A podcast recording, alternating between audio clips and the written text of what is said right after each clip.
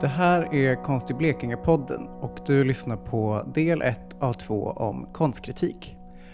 I det här avsnittet så kommer först Sinja Klein och jag, Johan Ståne, fundera över vad konstkritik är bra för.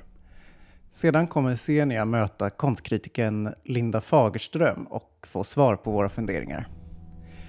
Och i nästa avsnitt så kommer vi höra mer om Lindas arbete och Region Sydsveriges satsning på konstkritik.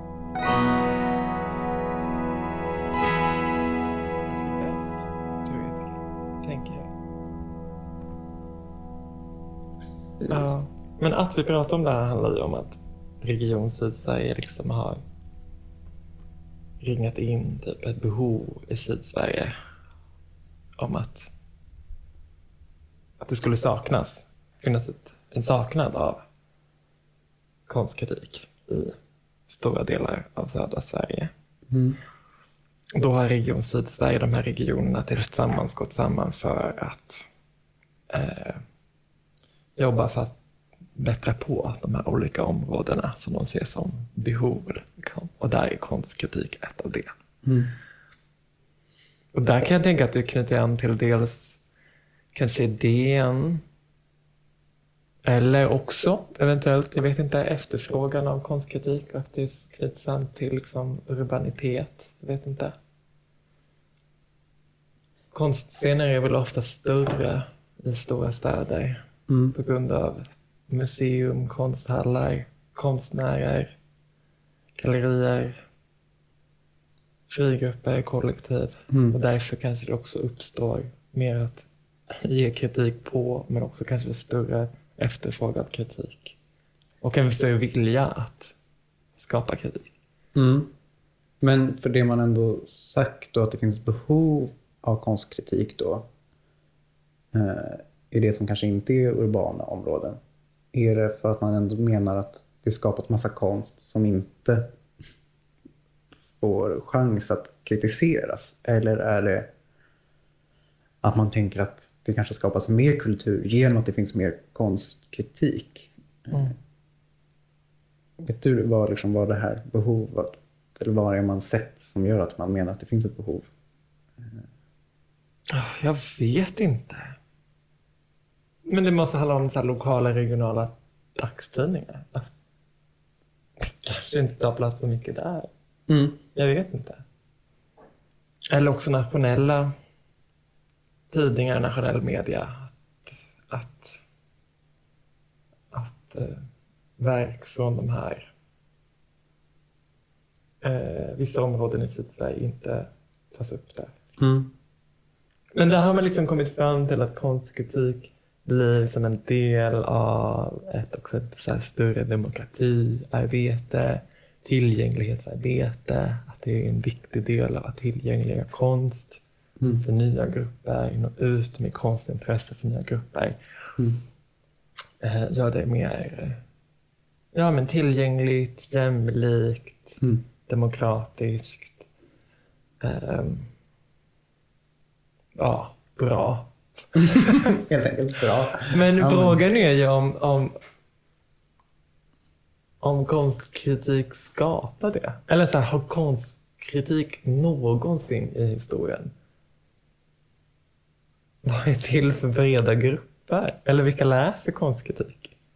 Jag vet inte, bara för det finns en artikel i dagsmedia så vet jag inte om, Mm. om någon som inte ens läser dagsmedia, så här, Blekinge Läns Tidning eller Sydostran liksom. Mm. Om man inte läser den, så når man ju inte ut av en konstkritik om den skulle ta plats där, om det är tanken. Eller om man läser den, jag vet inte. Jag vet inte. Uh, Får, får jag säga en sak ja, ja, säger du. eh, som jag tänkte på? Att jag bara säger konstkritiker, vad, vilka är ens det? För att, för jag håller på med scenkonst då. Mm. Och jag tänker ändå att en del av konstkritiken är väl ändå recensioner. Och att jag alltid känt, allt när man läser recensioner, det mest är, är typ referat. De beskriver ju bara exakt vad det är de Ah. sett eller fått ut av historien. Typ, de sett på sin. Och så möjligtvis säger de att åh, vilken fin scenografi. Eh, men inte som att de lyfter upp så här, åh, vilka alla olika konstnärliga val gjort för att liksom lyfta fram en viss idé eller känsla. Eller liksom, Mm. att så min spontana känsla då av konstkritik, fast då scenkonstkritik, är ju att vad, vad är det ens bra för? Eller vad, varför? Just det. Men det handlar om att det ska ta, att folk ska kunna kolla tidningen, läsa en kort notis eller artikel, recension av ett verk för att kunna bestämma sig för om de vill se det eller inte. Ja, precis. Ja, för det var det här. Vad är liksom skillnaden mellan det som kanske en teater själva skriver som reklam eller som beskrivning av sitt verk eller en, eh, ett museum skriver om sin utställning. Vad är skillnaden mellan recension och det? Om, det bara, om recensionen bara blir ett referat. Alltså då är det som Ja, att... det. Jag tror de är väldigt lika i dagens. Ja, precis. Och det är ju märkligt. Eh, Så borde det väl inte vara. Nej. Jag menar, det händer väl att något blir sågat, men oftast är det ju inte så. Nej. Det väl bara om någonting, om en kritiker tyckte det var väldigt bra, då kan det synas i några värderingar och ord. Men annars är det ju ett ganska neutralt sätt bara att så här, Återge. ja, återge, och då inte ens alla delar, utan bara Ja. kränkt för att jag är ljuddesigner och det aldrig skrivs något om ljudet i föreställningar. Ehm, Men det känns som att eh, generellt sett, jag vet inte. Det känns som att recensioner har en större funktion i relation till scenkonsten. Bildkonst, eller? Men utställningar recenseras ju ändå. Eller jag menar, det är väl ändå Ja, ett ja. vanligt sätt att få reda på vad som... Alltså, jo, det är sant. Att, eller, det kanske är snarare att man gör ett större reportage. Liksom. Ja, När det känns... Ja. Nej, men också det här med kritik. Att det, jag eh, kan känna också att det liksom finns en modegrej med det. Eller jag vet när jag gick på Konstfack Mm. så brukade jag gå till, då hade Bonnier i Stockholm, alltså, ja, Albert Bonniers förlag, de drev som en diskussionscirkel ja, i sina förlagslokaler om samtida litteraturkritik.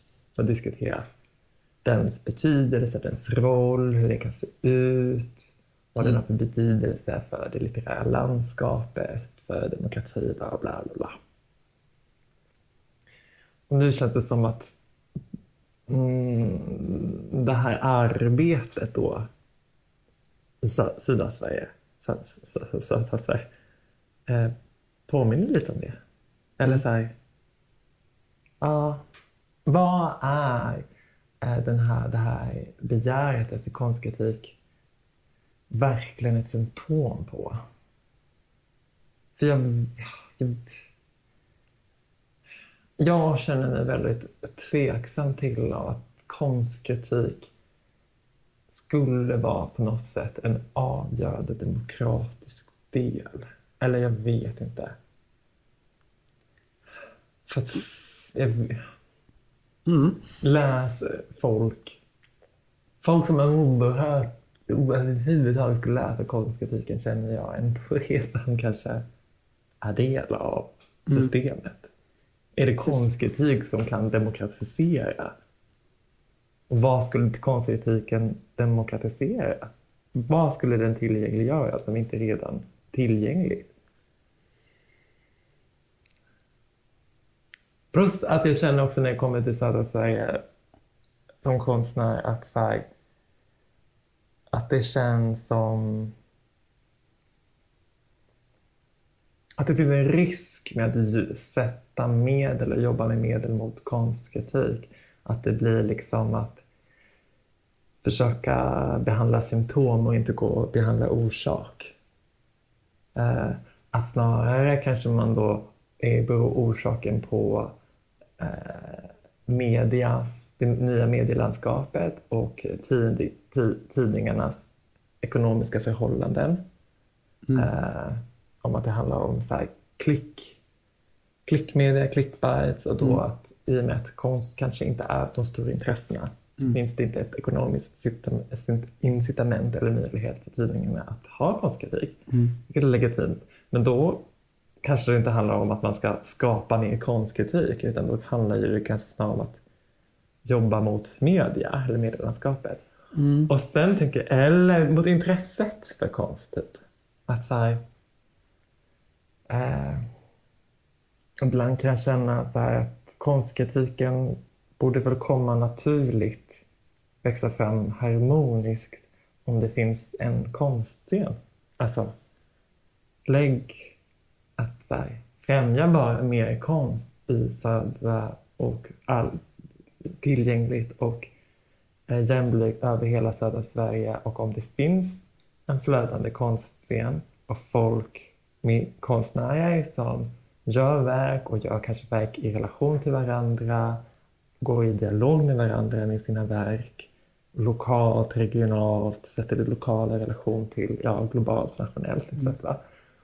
Och det väcker ett intresse för folk som bor på det här, den här, de här platserna så kommer det finnas ett behov och ett begär och en, en eh, efterfrågan efter konstkritik. Och då kommer den konstkritiken väckas eller komma fram. Eller så här, någon, någon jävel kommer ju vilja skriva någonting, göra sin röst hörd Mm. i så fall. Precis, man tänker att de här, alltså då om vi säger att i vanlig, liksom, vanliga stora tidningar att det inte kanske sker så mycket intressant konstkritik utan det är bara tråkiga recensioner då. Så är väl ändå där det är spännande intressanta texter väl i sådana tidskrifter som typ Paletten. Eller något. Mm. Och de är väl kanske ofta centrerade i storstäder och får ju, och det handlar inte om att en stor marknad där utan de drivs väl av stöd från eh, Statens kulturråd. Mm. Ja, eller intressant, alltså intresserade personer. I och med att det är så dålig ekonomi så kommer det inte komma någon konstkritik om det är ingen som, som har det som intresse med det. Mm. Som konstnär eller teoretiker. Om du fattar vad jag menar. Alltså, Eller vad med dålig ekonomi? jag menar att man som journalist av vilket slag, kanske speciellt inom de här ämnena, kanske inte går jättemycket ekonomisk vinst på sina Ah. texter. Nej, precis. Så man blir inte konstkritiker för att bli rik. Nej. man blir det för att man tycker det är kul. Det är som svårt att frilansa. Ja, men är det inte det man vill komma runt om med att satsa på konstkritik? Alltså att, Ah, för att det inte finns möjlighet till mycket konstkritik för att det är det här landskapet med att man ska frilansa på någon slags klickekonomi. mm. Men att egentligen, även om det då inte ekonomiskt skulle vara hållbart så kanske det ändå finns ett behov att man ska ändå ge, alltså att det är ändå demokrati att även en mindre grupp ska få, eller alltså, ah, jo, jo. Det är demokratiskt att inte bara det som är ekonomiskt gångbart ska få finnas. Typ. Utan det ska ju ändå finnas en marknad då som Ah, kanske får okej. hjälp av statliga Ah. pengar. Liksom, som, Ah, jo, som tillgodoser andra behov. just det.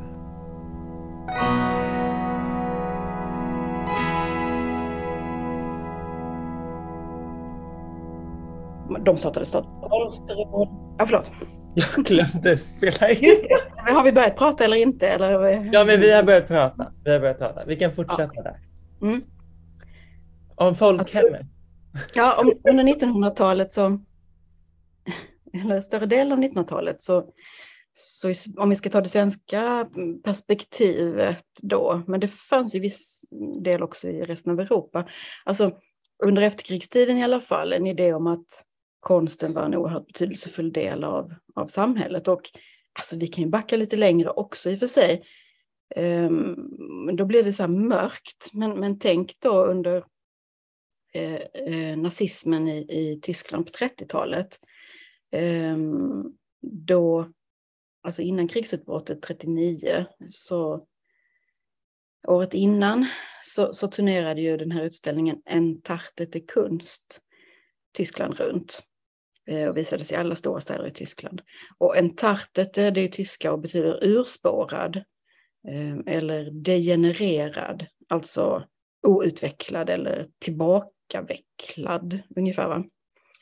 Ehm, och den utställningen var ju arrangerad av nazisterna och propagandaminister Goebbels och samlade ju verk av konstnärer som nazistregimen stämplade som otyska ehm, och då degenererade, urspårade, alltså extremt negativa omdömen.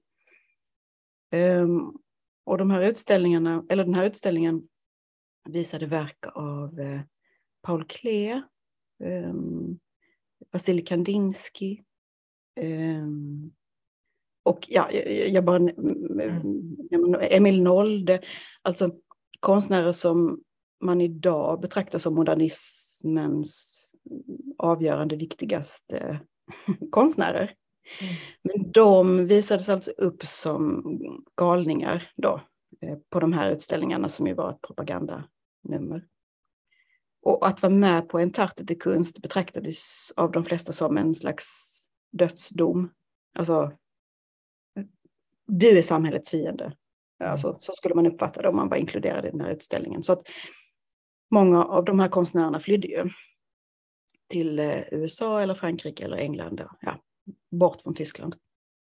Um, så att, och varför jag tar det här exemplet nu det är för att visa på under 30-talet, slutet av 30-talet i Europa, så betraktades konst som en så betydelsefull del av samhället att den här nazistregimen tog sig möda och energi och la kraft på att sätta ihop och samla in massa konstverk till en utställning som skulle representera det som var icke-nazistiskt, alltså mm, antinazistiskt.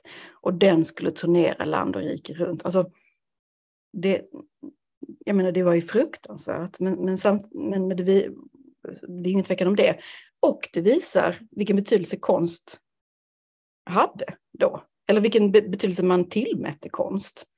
Um, de här är så farliga så att vi måste peka ut dem som samhällets fiende nummer ett på den här turnerande utställningen. Ehm, så det visar ju på alltså, oerhört betydelsefull eh, och fientlig och farlig eh, som, som konstvärlden betraktades för den här totalitära regimen. Och det handlar ju om konstnärer men också om författare och konstkritiker och ja, men alla fria tänkare som, som ju förföljdes och censurerades och mördades i, i många fall. Mm. Så att, ja, eh, om man då tänker hur var det i Sverige samtidigt? Eh, ja, alltså 1937, eh, nästan samtidigt som den här Entartet är kunst, den visades 37-38, startade Statens konstråd och med målet att konsten ska finnas överallt i, i samhället hos alla. Det är inte någonting som bara de rika i samhället kan ha möjlighet eh, Ehm, att ha tillgång till, utan alltså, stridsropet var konsten ska bliva allas. Ehm, och det är ju därför som man då bland annat då skapade konst i tunnelbanan i Stockholm. Ehm, som, som, alltså som ett extremt radikalt sätt att understryka att Konst ska inte vara för en elit på dyra gallerier, utan konsten är en självklar del av vardagen. Den ser du när du pendlar till fabriken. Mm. Ehm, den möter du i tunnelbanan, den möter du på, på torget i din förort när du går till affären för att handla mat. Mm. Så att den, den liksom, ja, åtminstone från 30-talet och framåt så har konsten varit både i Sverige och internationellt då, extremt betydelsefull som en del av samhällsbygget. Man kan också tänka på, alltså det här var en tid av kris. Eh, det var ju börskrascher i slutet av 20-talet eh, och runt 1930. Eh, också i USA satsades ju enormt mycket på konsten. Eh, man gav konstnärer massa offentliga uppdrag eh, under 30-talet. Muralmålningar och annat. För att ja, men det, det var en självklar del av, av samhällsbygget. Man byggde flygplatser, eh, The Hoover Dam, eh, alltså samhällsförbättrande och, och och mm, demokra alltså demokratiskt eh, betydelsefulla projekt. Men man gav också uppdrag till konstnärer att, att göra offentlig konst. Det mm. fanns i USA, det fanns i Sverige, det fanns i Frankrike och så vidare. Det, ja, så det är den tidens liksom, syn på konst, att det här är en viktig del av samhället. I Sverige startade Konstfrämjandet, eh, bland annat, eh, som ju ordnade utställningar som turnerade landet över eh, i syfte att uppmuntra människor att intressera sig för konst Eh, och att också äga konst, köpa konst och äga den. Och det var ju konstnärer då som deltog som var Sven Exet Eriksson, eh, Albin Amelin, Vera Nilsson, alltså konstnärer som, som själva också var oerhört engagerade i samhällsbygget. Eh, som, de gjorde ju mål, måleri eller skulptur, men på de här utställningarna med Konstfrämjandet så var det oftast grafik, det vill säga konst som är massproducerad och inte kostar lika mycket. Men det är ju ändå eh, fortfarande av kvalificerade utbildade konstnärer. Och det gjorde då att ett grafiskt blad av, av Sven Exet Eriksson kunde kosta kanske 60 kronor eller något sånt i dåtidens penningvärde. Och var möjligt för en arbetarfamilj att köpa. Mm. Ehm, och mm, ja, gjordes också. Mm. Ehm, och ja, men det, det var liksom en, en del av någon slags folkbildande ambitioner som det samhället, det svenska samhället hade. Eh, konsten ska vara ett självklart inslag i varje individs uppfostran eller tillvaro. Så. Eh, och som sagt, tunnelbanan är ju kanske den mest magnifika, det mest magnifika exemplet på det. Idag, det är väldigt svårt att tro att om man hade bestämt att skapa en tunnelbana idag, att beslutet hade sett likadant ut. Alltså det är extremt radikalt att säga nej till någon slags, alltså om man åker tunnelbana i vilken annan europeisk storstad som helst så är det ju nästan bara reklam överallt. Mm. Eh, på perrongerna och i uppgångarna och nedgångarna. Men det finns ju i viss mån i Stockholm, men, men det är ju helt slående hur, hur starkt det konstnärliga inslaget är. Så att ja, det är väl en stark manifestation. Men också att Statens konstråd då hela tiden har finansierats av staten och bidragit till att eh, konst finns på torg, på skolgårdar, vid, på vårdcentraler, vid sjukhus, eh, gymnasieskolor, eh, järnvägsstationer. Ja, överallt i samhället finns det möjlighet att möta konst. Mm. Men Ehm, jag skulle säga att under de senaste 20 åren så har liksom de privata initiativen vuxit sig starkare. Ehm, och det är nästan som att det finns någon slags återgång till den här hundra års ungefär gamla synen på konst som något exklusivt och någonting som är vackert och dyrbart och lite guldkant på vardagen. Alltså väldigt långt ifrån det som vi tänkte oss under 30-40-talet. Mm. Um, och där menar jag att konstkritiken spelar en viktig roll för att förklara att ja, men det här är ett kommersiellt galleri som visar konst som är oerhört kommersiellt präglad och som vänder sig till rika människor och eh, som är ungefär detsamma som att sälja kläder eller prylar eller möbler som är dyra. Alltså som är väldigt långt ifrån något slags konstnärligt eh, kvalificerat uttryck. Mm. Där kan ju konstkritiken spela stor roll genom att peka, alltså det finns ju, där kan konstkritiken vara ett forum som, ja, där man kan säga att detta är, förklara vad det handlar om. det här är kommersiellt, det här är bara snöd vinning, det här är inte någonting som egentligen vill gestalta något på riktigt. Just det. Ja, så min bild typ om att, eller jag vet inte om det är min bild, men om att här, konstkritiken är död för att typ vill, är en tidningsdöd. Tidningarna dör. Mm. Alltså, och så då kanske att jag ibland tänker att här, var möter man konstkritik nu för tiden? Att så här, den mm. bilden kanske är, stämmer inte alls utan så här, konstkritiken är högst levande ändå. Ja, men du, ja, på alltså, du är rätt på vissa sätt. Ja, men absolut. Alltså, fram till låt säga 10-20 år sedan så, hade ju, så fanns det ju många fler dagstidningar. Mm. Um, och flera av dem hade också kultursidor på vilken det fanns uh, kulturkritik, uh, konstkritik. Ehm, nu så är det ju fler och fler dagstidningar som har fått lägga ner eller de har slagit samman med andra.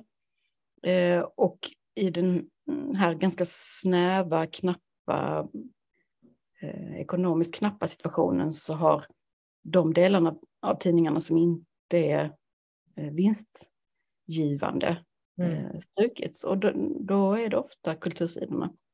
Mm.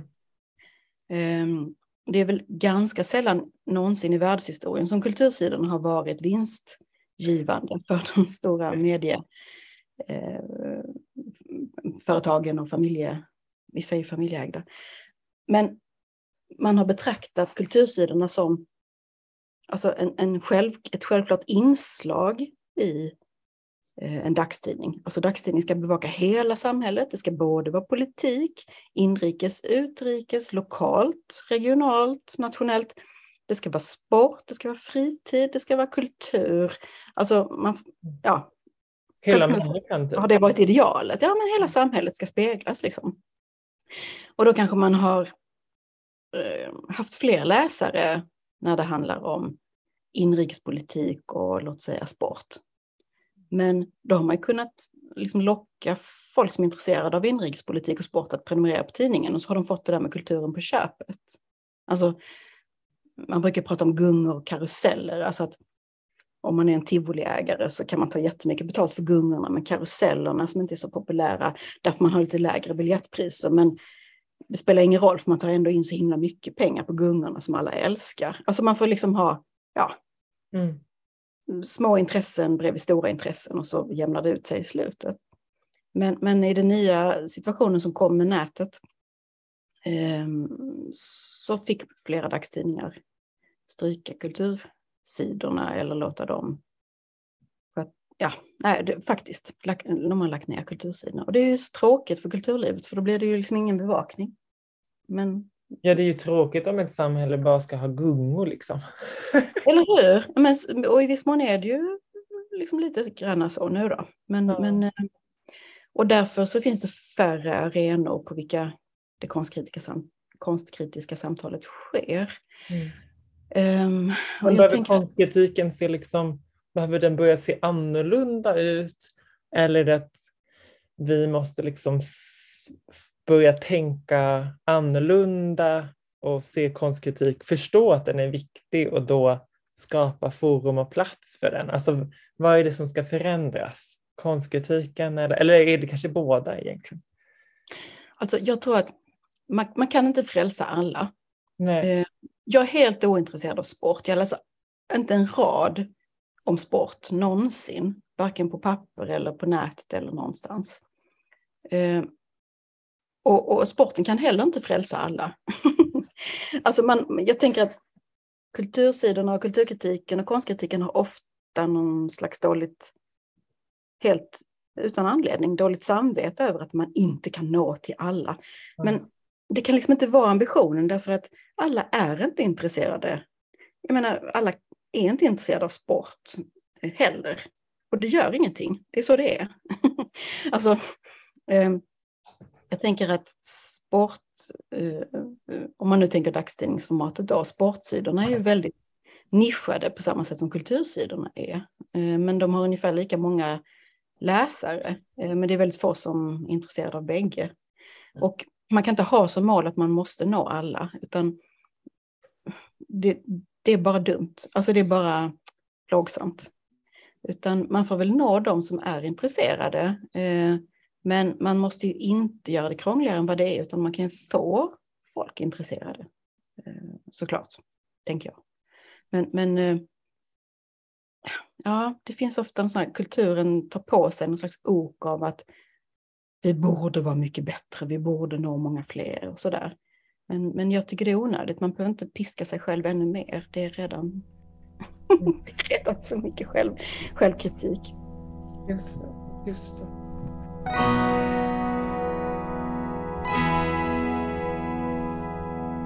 Har du någon uppfattning om hur konstkritikerlandskapet ser ut i södra Sverige och hur situationen är där? Ja, det har jag.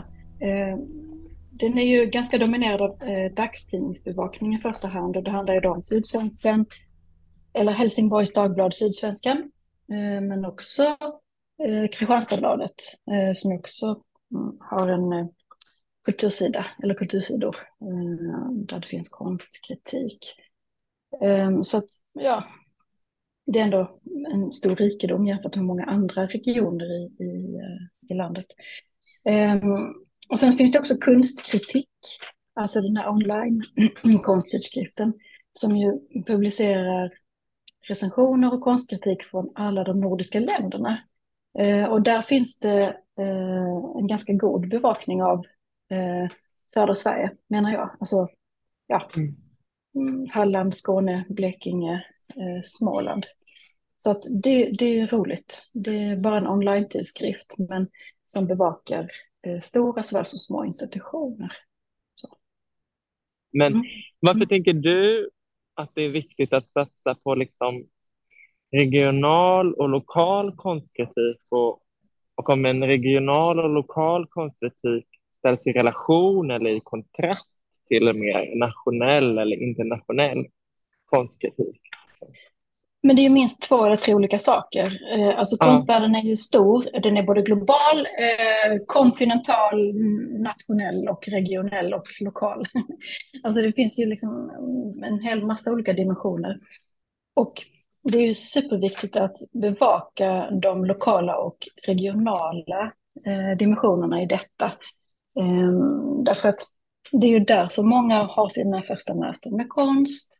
De som mm. läser eh, konstkritik um, har eh, nytta av att förstå kritikerns perspektiv när man själv har upplevt en utställning eller ett konstverk. Så att, alltså det börjar ju, alltså alla de här nivåerna försvinner ju om inte bevakningen och konstkritiken på den lokala och regionala nivån är god och bra då, då blir det liksom ingen underbyggnad. Alltså då är det som att försöka bygga någon slags tårta där man inte har riktigt någon tårtbotten utan bara massa grädde och sylt i botten eller längst ner. Och sen kommer man med de tunga grejerna. Det, det är ju liksom ingen bra komposition utan det blir ju, det trillar ihop fullständigt. Så att eh, bevakning måste ju ske underifrån eh, trots allt. Det är ju där vi bygger liksom, mm. de viktiga perspektiven och det som är intressant. Um, sen då kan man säga så här att konstkritik publiceras ju oftast i eh, dagstidningar och det är ju inga statliga kultursponsren eller kulturfinansierande institutioner utan det är vinstdrivande företag. Eh, helt enkelt. Och eh, om de inte märker att konstkritik riktigt läses av så många läsare som något annat i tidningen, så kommer de ju att vara mindre intresserade av konstkritik, att publicera konstkritik. Alltså, det är fruktansvärt, men, men det är också någon slags logisk konsekvens av hur, det, hur ett företag arbetar. Um, så att det måste man också förstå, att om, man, om, om en tidning publicerar obegriplig konstkritik eller konstkritik som är illa formulerad, eh, dåligt eh, skriven, illa genomförd. Ja, men då är det inte så många som läser och då är det svårt för tidningen att motivera att man ska fortsätta. Så att om man mm. höjer, kritiken på hö, höjer nivån på konstkritiken så är det fler som läser den, fler som efterfrågar den, fler som tycker om den. Och det märks ju också då eh, i, alltså på redaktionerna. Och då säger de, herregud, det här verkar vara någonting som lockar många. Det måste vi publicera. Och det är liksom ett samspel. Om ingen läser ja. konstkritik, om ingen söker efter konstkritik, då uppfattar ju eh, tidningarna det som ett, en signal om att det är oviktigt. Och då så säger de till sina konstkritiker, äh, vi har inga läsare på dina eh, recensioner, eh, tyvärr måste vi säga nej. Och så kanske man ger sparken då till någon. Så att oavsett om vi gillar det eller ej så är liksom många då konstkritiska forum en del av någon slags, om man vill säga, något, säga det skarpt, en kapitalistisk liksom, världsordning. Mm. Um, ja. Sen så, om vi tänker på kunstkritik, um, som är alltså då en, en uh, konsttidskrift online, som täcker alla de nordiska länderna, så finns det ju mm. där en slags frihet från kapitalismens logik eftersom de har vissa annonser men de har också väldigt mycket stort stöd från alla de nordiska staterna. Alltså de har statliga stöd från Kulturrådet i Sverige till exempel. Eh, och det gör ju då att de har, har möjlighet att eh, betala kritiker för att bevaka stora såväl som små institutioner i alla de här länderna. Och det är ju superspännande menar jag. Eh, mm. Alltså någonting som visas på eh, någon stor institution i Oslo eller i Helsinki, Stockholm eller Köpenhamn. Visst, men också, eh, det utesluter liksom inte att kunstkritik mm, också då publicerar recensioner av gallerier i, låt säga Västerås, eh, eller eh, någon, någon eh, annan plats utanför de stora huvudstädernas institutioner. Och det är ju spännande. Verkligen. När det täcker in båda liksom och så kan man se spänningarna eller likheterna och så emellan. Precis. Precis. Dagstidningarna de har ju den här liksom mm, vinstmaximerande eh, logiken som handlar om att alltså läsarna är uppdragsgivaren. Mm. Om inte läsarna efterfrågar konstkritik eh, i Blekinge, då är det också väldigt svårt för tidningarna, dagstidningarna att motivera att man ska publicera konstkritik.